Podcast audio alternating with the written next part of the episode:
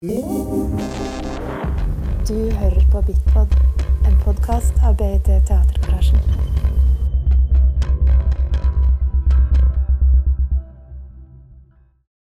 Hjertelig velkommen til eh, dette rhizomatiske foredraget eh, av Sara Bruthaug Olsen.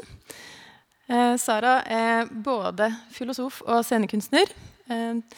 Jobber både under eget navn og i eh, et tilknytning eh, til scenekunstkompaniet Teateretaten. Eh, og virker både som utøver, formidler, regissør og produsent. I dag så skal vi få høre om den talende kroppen. Ordet er ditt.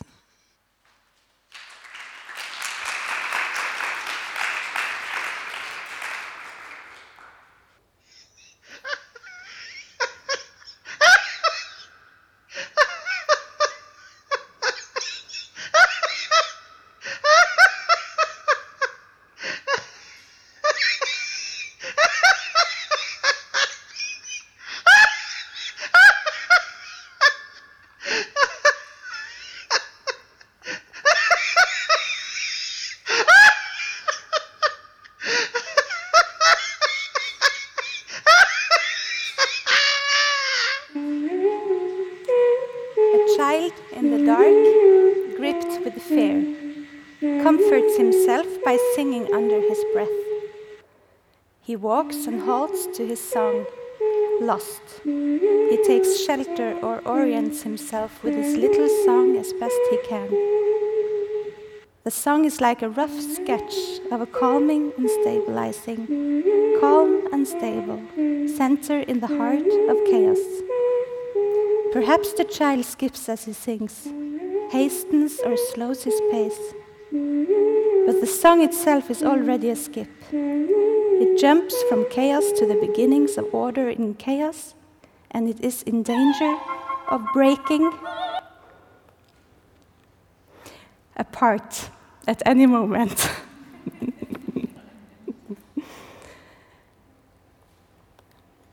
I will hold this lecture in Norwegian uh, with a few quotes in English as well. Maybe there will be something in English written later, but for now, Norwegian.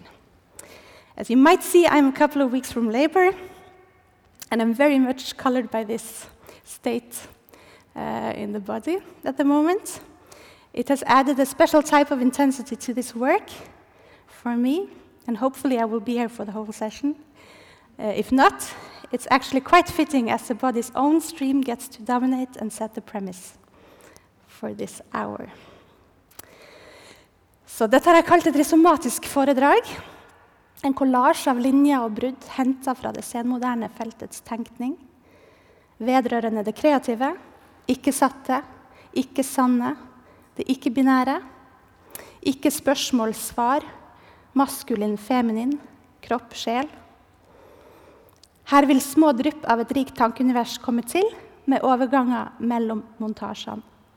Hvor du inviteres til å puste i inngang og utgang, puste mellom pusten, tenke om pusten at den pulserer bevegelse og affirmasjon, kjenne om den lukker seg om deg som en lukka tanke, oppleve utfoldelse, kroppens rolle på ett sted, motstand som møtes, nye linjer som opptegnes, hastigheter som tar fart, og avvente. Deleuze og Claire Parnet snakker sammen.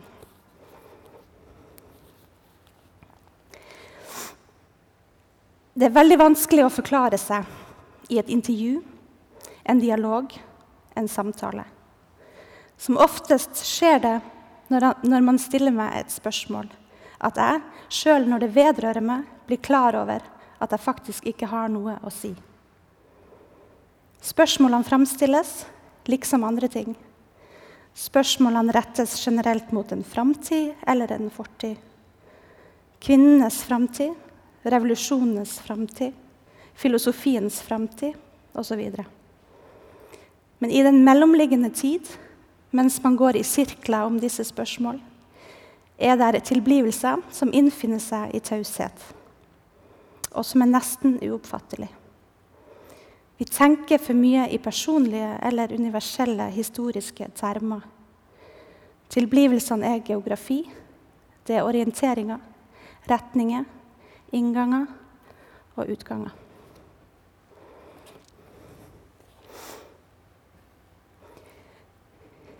Vi vet lite om hva en kropp er i stand til, sa barokk Spinoza. Og Gilde Løster drar veksler på dette sitatet når han berører hvilken rolle kroppen vår har i de menneskelige vilkår for utfoldelse, og antyder en kraftig undervurdering av denne rollen. Han fremhever sjelen og legemet, der ordet 'og' er viktig. Det ene tilblir ikke uten det andre. Her fremheves det kroppslige perspektiv i denne tenkninga som spesielt interessant og betydningsfulle for hvordan vi forstår både oss sjøl og de sosiale og strukturelle forhold som vi deltar i. Jeg argumenterer for at kroppen har en privilegert tilgang på tilblivelsesprosessen, en aktiv nyskapning, da den kan sies å besitte en særskilt innsikt om vår dødelighet gjennom det vi kan kalle dens eget stadige fall. Og Det er denne kontakten med døden og det ydmyke som gjør oss sårbare og i stand til å komme i møte med en direkte erfaring av, vårt nervesystem. Dette viser det løs ekstra tydelig fram gjennom sin lesning, lesning av kunstneren Francis Bacon. Det revolusjonære kan sådan sies å ligge i å snu om på noen premisser hva angår kroppens posisjon i ulike organiseringer, inkludert våre indre ubevisste strukturer, som vi kan se i kritikken av psykoanalysen, samt ytre organisasjoner som f.eks. kroppen i en gitt kultur og et gitt sosialt rom, som her, en politisk kropp, eller kroppen i en gitt språkdrakt, f.eks. I alle format er det nærliggende for meg å spørre når får kroppen bestemt tempo, humør, retning, intensitet. Det løs argumenterer for å søke mot en oppløsning av subjektet og en dreining fra et dualistisk paradigme til fordel for en multiplisitetstenkning i retning ren tilblivelse. Her blir tanken om identitet og essens forlatt, og de tilblivende kroppene står igjen med mulighet for en pulserende stadig bekreftelse av livet og døden. Med å undervurdere kroppen som særegen og radikalt misforstå hva den er i stand til, er det nærliggende å skape usunne rammeverk for både vår tenkning og våre handlingsrom som mennesker. Med begrensa mulighet for denne bekreftelsen og for rommet til å skape noe nytt. Og da heller reprodusere noe for tidig og noe satt. En diametralt annen måte å tilnærme oss vår egen konstitusjon som kropper i verden, hvilket innebærer å bryte med en rekke tradisjoner og kulturelle innforståttheter, kan imidlertid frambringe potensial for frigjørende utfoldelse og uttrykk, med mulighet for tilblivelse av nye sammenkoblinger og treffpunkt. Dette er ikke en lett prosess. Den krever varsomhet, årvåkenhet og mot. Samt den går ikke fri for den konteksten den opererer innenfor, og kan sånn sies å være avhengig av sosiale og politiske strukturer som gir rom for en aktiv handling. Analysene til Deleuze og Guattari består i stor grad av å skissere opp noen tendenser og organisasjoner i de ulike kroppene vi danner både i oss sjøl og i forskjellige montasjer på strater sosiale, politiske, kunstneriske. Hvordan vi beveger oss, vil belyse hvor store handlingsrom vi har, er ikke nødvendigvis hva som er rett eller galt, da dette ikke hviler på en moralforståelse. Men simpelthen hva som gir mulighet for aktiv affirmasjon Like fullt ser vi denne formen for etikkforståelse noen analyser rundt hva som kan bli alvorlige og usunne undertrykkende former for avmektigelse. I oss sjøl overfor hverandre og overfor livet. Forsiktighet fordres som en nødvendighet for å nærme oss denne tenkninga. Forhasta konklusjoner og sannhetshunger må unngås. Da er tilfeldighetene, eller snarere kaoset, mer egnet som verktøy for undersøkelser Kaoset som røsker opp i mye av det som kan sies å stå i veien for en friere og sunnere tilnærming til livet. Og ta bort sånne hindringer som mangeltanker, frykt og for voldsom stratifisering kan bringe til bords. Det er hjertet av det territoriet barnet tegner opp med sin sang i sitatet som har starta her med. Begrepet risomme anvendes som det som er imellom. Vi kan se for oss treet med en rot som opprinnelsespunkt og en vertikal linje med forutsigbar forgreining. Dette settes i motsetning til gresset som vokser opp i midten, og til orkideen, som vi ser her. Gresset vokser mellom brosteiner, imellom seg sjøl. Og det er et poeng at det nettopp er fravær av en historie til fordel for geografi Fravær av en lineær tid til fordel for en hastighet som også kan stå helt stille. Fravær av noe som er enhetlig til fordel for mangfold, mangfoldighet og multiplisitet. Et eksempel som utlegges, er hvordan kunsten og kulturen kretser rundt ulike premisser for utfoldelse, hvor skoler og metoder, ideer og sannheter kommer i veien for bevegelse. Mye av vår kultur er fundert i treetsstruktur, sier de. Samfunnsstrukturen, språket vårt, psykologien, også filosofihistorien. Det etterstrebes i denne tenkninga å radikalisere premissene og snakke grunnleggende annerledes om hva som står på spill. Tenkninga omfatter det ikke lukka, det som alltid kan koble seg ut og aldri er satt eller gitt. Allikevel stilles det høye krav til å være presis og ikke dra feilslutninger. Det er bevegelse, og det kan ikke kapsles inn. Det må jammes og improviseres, men gjerne forberedt. Og alltid må det finnes en åpning for det vi ikke har fasit på. Å ikke ha fasit om å ikke ha fasit. Dette er en av de nevnte farene. Når du tror du har funnet en klarhet, skal du alltid være på vakt. Det åpne består i å ikke bestemme, forstå, forklare og forsvare. Å ikke si noe og ikke svare på et spørsmål, Å ikke si noe for så å si noe. Stadig skape sine begrep på nytt. Dette som kan lokaliseres alltid imellom, ufanga og fritt, kan nettopp være fritt ved å unndra seg alle mulige forklaringer og begrepsdrakter. Språket må stamme, både i ordene og i lydene. Det somatiske kan også finnes i kroppslige strømninger, f.eks. i utsigelser som gråt og latter. Umiddelbare reaksjoner fra nervesystemet, pusten i ulike hastigheter.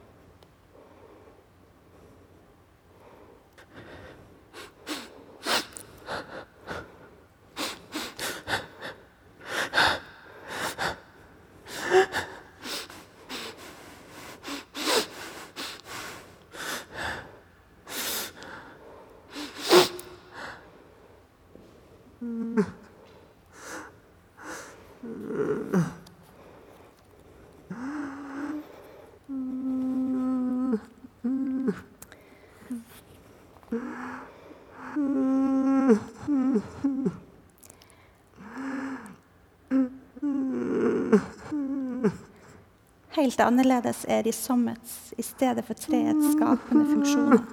Ikke-konforme anvendelser som gjør bruk av skjærende, kryssende linjer. Treffpunkter inne i midten, der det ikke er noe subjekt, men kollektive utsigelsessammenstykninger. Der er ingen spesifisering, men befolkning. Musikk, skrift, vitenskap, audiovisualitet med deres arbeider, relé, ekkoer, interferanse. Det som en musiker lager der, kommer en forfatter til gode et annet sted. En vitenskapsmann setter helt andre domener i bevegelse. En maler springer opp til lyden av perkusjon. Det er ikke møter mellom områder, for hvert område består allerede av sånne møter i seg sjøl. Det finnes kun intermesso, intermessi, som utgjør skapelsens arnesteder. Der består nettopp en samtale.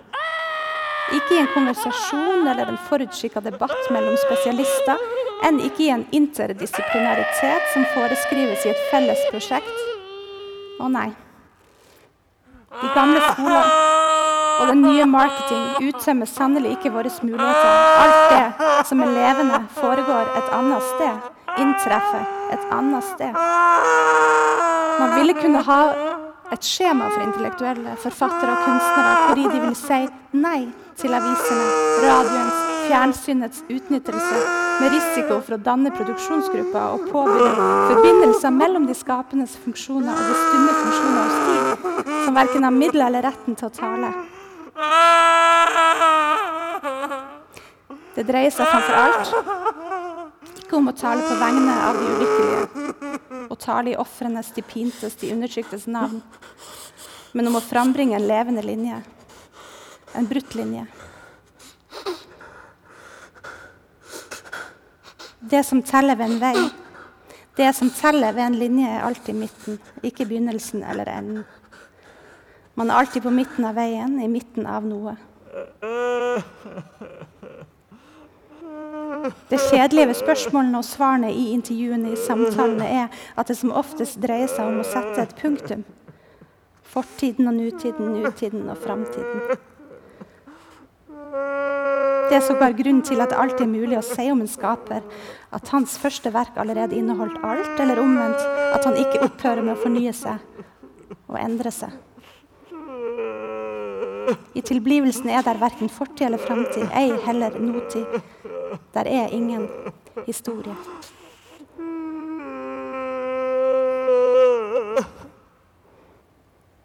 Kroppens strømninger kan betraktes som dette, som en som en egen revolusjon. Noe som undres. Gråt, latter, skrik, stemming som revolusjon. Et annet eksempel på en kroppslig strømning som kan forstås somatisk, er Francis Bacon eh, og hans maleri av et skrik, som det løst tar for seg en bok om Francis Bacon. Life screams at death, but death is no longer this all too visible thing that makes us faint. It is this invisible force that life detects, flushes out, and makes visible through the scream. Her inkluderes døden i livet. En erkjennelse av muligheten til å konfrontere og ta spranget. Innehar kraft og gir pusterom for en kroppsdannelse. I en lengre analyse det løs gjør av Bacon, kan en konkludere med dette. Dette oppgjøret vi kan fornemme i skriket, er muliggjort av katastrofen som diagrammet i maleriet er. Og er noe som kan tenkes som en integrering av det totalt sårbare. Den nye munnen som dannes etter at subjektet oppløses, utsier et skrik i møte med verden og det uunngåelige ikke-organiske som vil bli sett. Skyggen som unnslipper, slipper og forbinder seg på samme tid. Sånn åpnes rommet for monteringa inn og ut til andre organløse kropper, i det avstand også muliggjør nærværet ved å gi luft til det imellom. Og sånn frigjøres pulsen. I dette rommet er det mulig å slippe den aktuelle forbindelse en har, og åpne for de virtuelle forbindelsene, det nye, det ukjente, hvor en kamp muliggjøres. When, like a wrestler, the visible body confronts the powers of the invisible, it gives no other visibility than its own. It is within this visibility that the body actively struggles, affirming the possibilities of triumphing, which was beyond its reach as long as these powers remained invisible, hidden in a spectacle that sapped our strength and diverted us. It is as if combat had now become possible. The struggle with the shadow is the only real struggle sideløs om bacon. Erkjennelsen av at vi alle kan vite at vi bare kan handle, tvinge seg fram med erfaringa av konfrontasjon. Kampen med skyggen viser til tilblivelsen og tilblivelsens rene affirmasjon. Denne kampen kjenner kroppen vår i den stadige fall mot ingenting, samt den stadige tilgang på ingenting. Noen ganger stilltiende og noen ganger pressende på med stor kraft dersom organene har fått nok og vil krig. Her framvises den mangelen på kontroll vi forsøker å ignorere i eventuelle insisterende strukturdannelser og subjektiveringsforsøk. I stedet for å hvile på kontrollen synes vi å alternativt kunne gi oss hen til dedikasjon om å tro og kjenne fravær av tvil. Og like fullt tvile på troen og tro på tvilen. Dette viser til en respekt for livet og en ydmykhet for det feilbarlige som vi også kan se hos Friedrich Nietzsche, der det sårbare og kroppslige tas på alvor. Dette kan betraktes som en kroppslig omfavnelse av det ukjente, hvor en begjærer et hvilket som helst punkt å koble seg til. Amor fati. Neste platå. Samtalen fortsetter. Det løs si sådan om Mozart.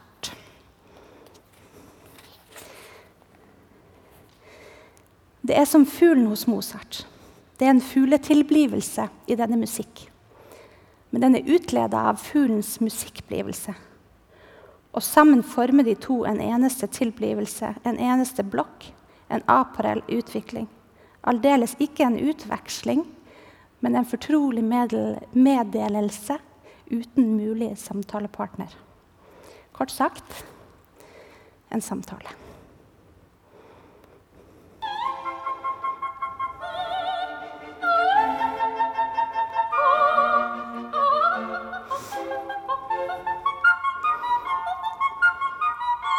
Et mulig risomatisk øyeblikk. Vri på foten i krampe. Klø deg på armen. La blodet strømme eller stivne, la tankene berøre magen, uroe brystet, stimulere hjernen. La stemmen flyte gjennom halsen, skrike gjennom øynene. Gråten skjelve gjennom ryggsøyla.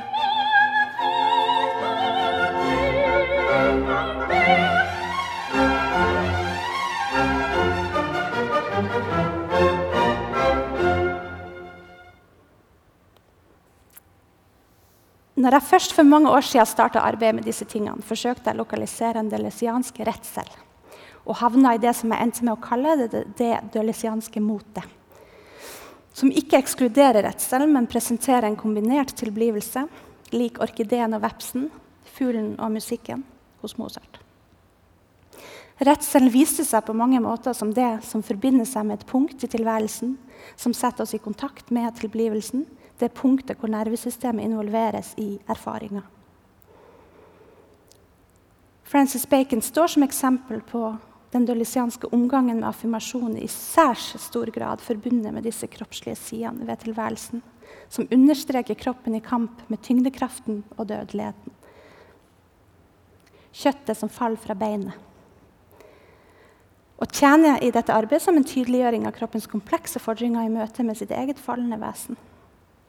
I kunstnerskapet til Bacon framstår det en slags potensial for forløsning, da han isolerer figurene i maleriene, maleriene sine, og sånn kan sies å gi den en avstand til verden som tillater et potensielt ærligere møte med den. Angsten for det stadige tapet utgjør det som problematiserer mulighetsrommet for konfrontasjon. Her adresseres en mangeltanke. Hvordan det dannes forutsetninger for å ikke oppleve en full kropp, men en som mangler noe f.eks. i psykoanalytisk tenkning. Og dette tenkes som et problem som er strukturelt betinga. Mangelen kan heller tenkes å ha en fylde, i kraft av å være det sårbare jordlige som bare kan konfronteres, ikke fikses. Redselen er en del av en rytmisk fleksibilitet som da kan sies å være i rytmisk spill med motet. Å være redd for denne rytmen hemmer muligheten for å tørre redselen og sånn ufarliggjøre den ved å romme risikoen forbundet med den. Dette er ikke dermed sagt at uroen er grunnløs. Det er jo nettopp en påminnelse om det vi ikke vet og aldri kan vite. Men en kan påstå med dette at kroppen ønsker seg det ukjente som utgangspunkt. I alle fall på visse betingelser, om den får plass til å gjøre seg gjeldende. Det løs fremhever med både Spinoza og Nietzsche kroppens uoppdagede potensial. Vi vet ikke hva kroppen er i stand til, hvilke krefter som tilhører den, og hva den er forberedt på. Når kroppen blir overvelda, kan den tenkes å sette i gang beskyttelse for å balansere, med strategier som er i overensstemmelse med det ytre påtrykk. Når den f.eks. trenger å holde igjen eller stenge ute. Dette trenger, trenger, heller ikke å dømmes, for det er også verdinøytralt i seg sjøl å være redd eller destruktiv. i seg selv. Jorden kan tenkes like gyldig. Og verdiene er konstruert. Poenget er snarere å vise at tendensen kan hindre utfoldelse. Hindre rom for tillit og affirmasjon, og det kan skape uforholdsmessig mye lidelse. Som igjen kan føre til en usunn dyrking av lidelsen som leder til en stratifisering og identitetsdannelse omkring den, som peker mot noe potensielt uheldig, noe å utvise varsomhet ovenfor. Det kan noen ganger utgjøre fare for ens liv og være destruktiv dersom det voldsomme som skjer både i et menneske samt når mennesket interagerer på strukturelle undertrykkende, premisser, får sette seg mer og mer standhaftig i våre begjærsmaskineri og i de felleskroppene som vi danner. Det sosiale kan forsterke tendensen vi allerede innehar, og, og de andre innehar, som i stedet for å skape bevegelse i retning noe frigjørende, undertrykker ytterligere. Dersom en hel kultur er skamfull, f.eks., syns det vanskelig å slippe det. Det kan hevdes at vi bærer ansvaret for den store, organløse kroppen også i fellesskap.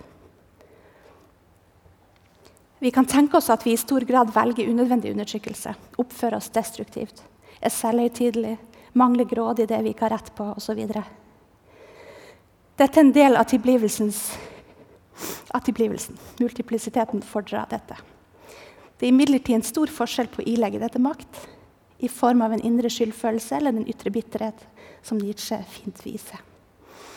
I motsetning til gjennom en form for ansvarlighet og redelighet romme sin egen feilbarlighet og se den som en del av tilblivelsen som full i seg sjøl, i kraft av å være nettopp bare tilblivende.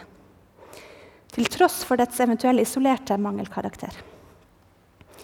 Det kan forstås som en idé som stammer fra det rasjonalistiske fokus, at vi har tilgang på en form for hel viten, hel kontroll, som synes å gjøre det vanskelig å godta at det fulle også kan være det ufullstendige, det uvitende, det som blir, og som ikke har mening utenfor seg sjøl, som en sannhet. Det kan tenkes vanskelig å akseptere at den ikke er mer, når ambisjonene om å forstå verden og være i verden sånn ofte syns å lure i bakgrunnen. Dette er noen av de potensielle farene med strukturdannelse, subjektdannelse og meningsdannelse som kategoriserer og forholder seg til et splitta dualistisk perspektiv på verden fordi de sånn tenderer å dominere på kroppene som førende for hvordan kroppene bør ha det psykologisk, sosialt og kulturelt, fremfor hvordan de faktisk har det.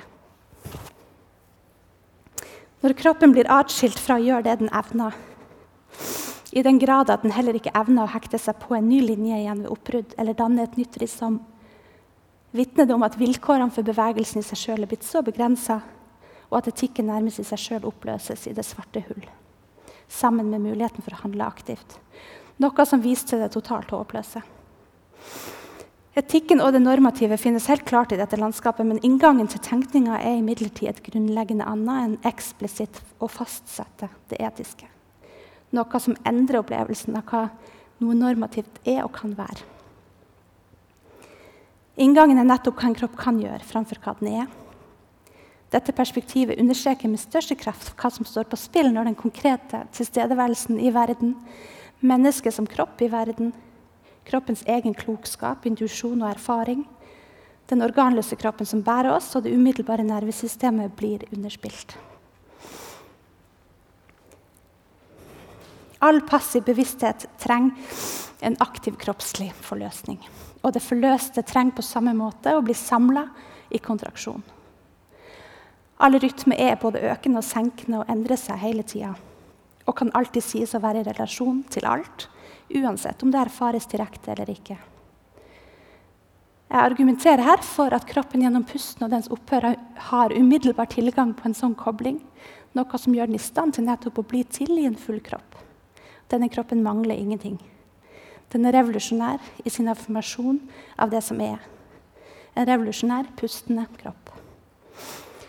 Det synes å være rimelig å anta at det blir krevende å ha ledighet om en forløsning etter et påtrykk ikke finner sted, samt at selve vissheten om den forsøkes undertrykkes, forstås og fortolkes, og at dette fort kan gi en underliggende uro. I dette landskapet pendler alt mellom en multiplisitet av posisjoner og koblinger. Kroppen kan forstås å begjære en sånn fornyelse, også det den i noen tilfeller kan synes å frykte. Rytmen forbinder oss med det heterogene, samtidig som det åpner en multiplisitet av muligheter. Et mulighetsrom for kroppens tillit til tilblivelsen og en amorfatig holdning som fører til et rom for å kunne dedikere seg til å tro og tro på dedikasjon. Samt en mulighet til å konfrontere fallet og døden. Denne prosessens sårbarhet er avhengig av å møtes med en varsomhet og ydmykhet for at det ikke skal gå for hastig og for å kunne la kroppen få taletid i prosessen og eksperimenteringa. For å gi den mulighet til å bekrefte sin plass i verden på nytt og på nytt. Vi prøver altså igjen å si noe presist om noe upresist. Noe i endring.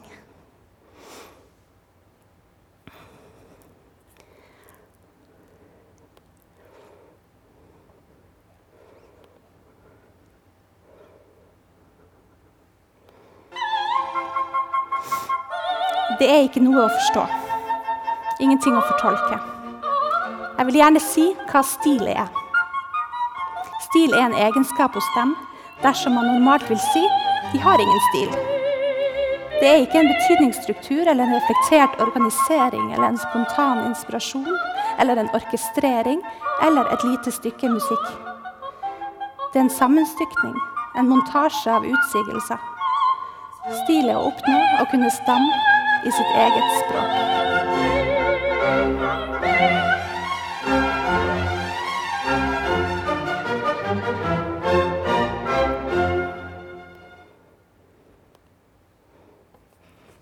Takk.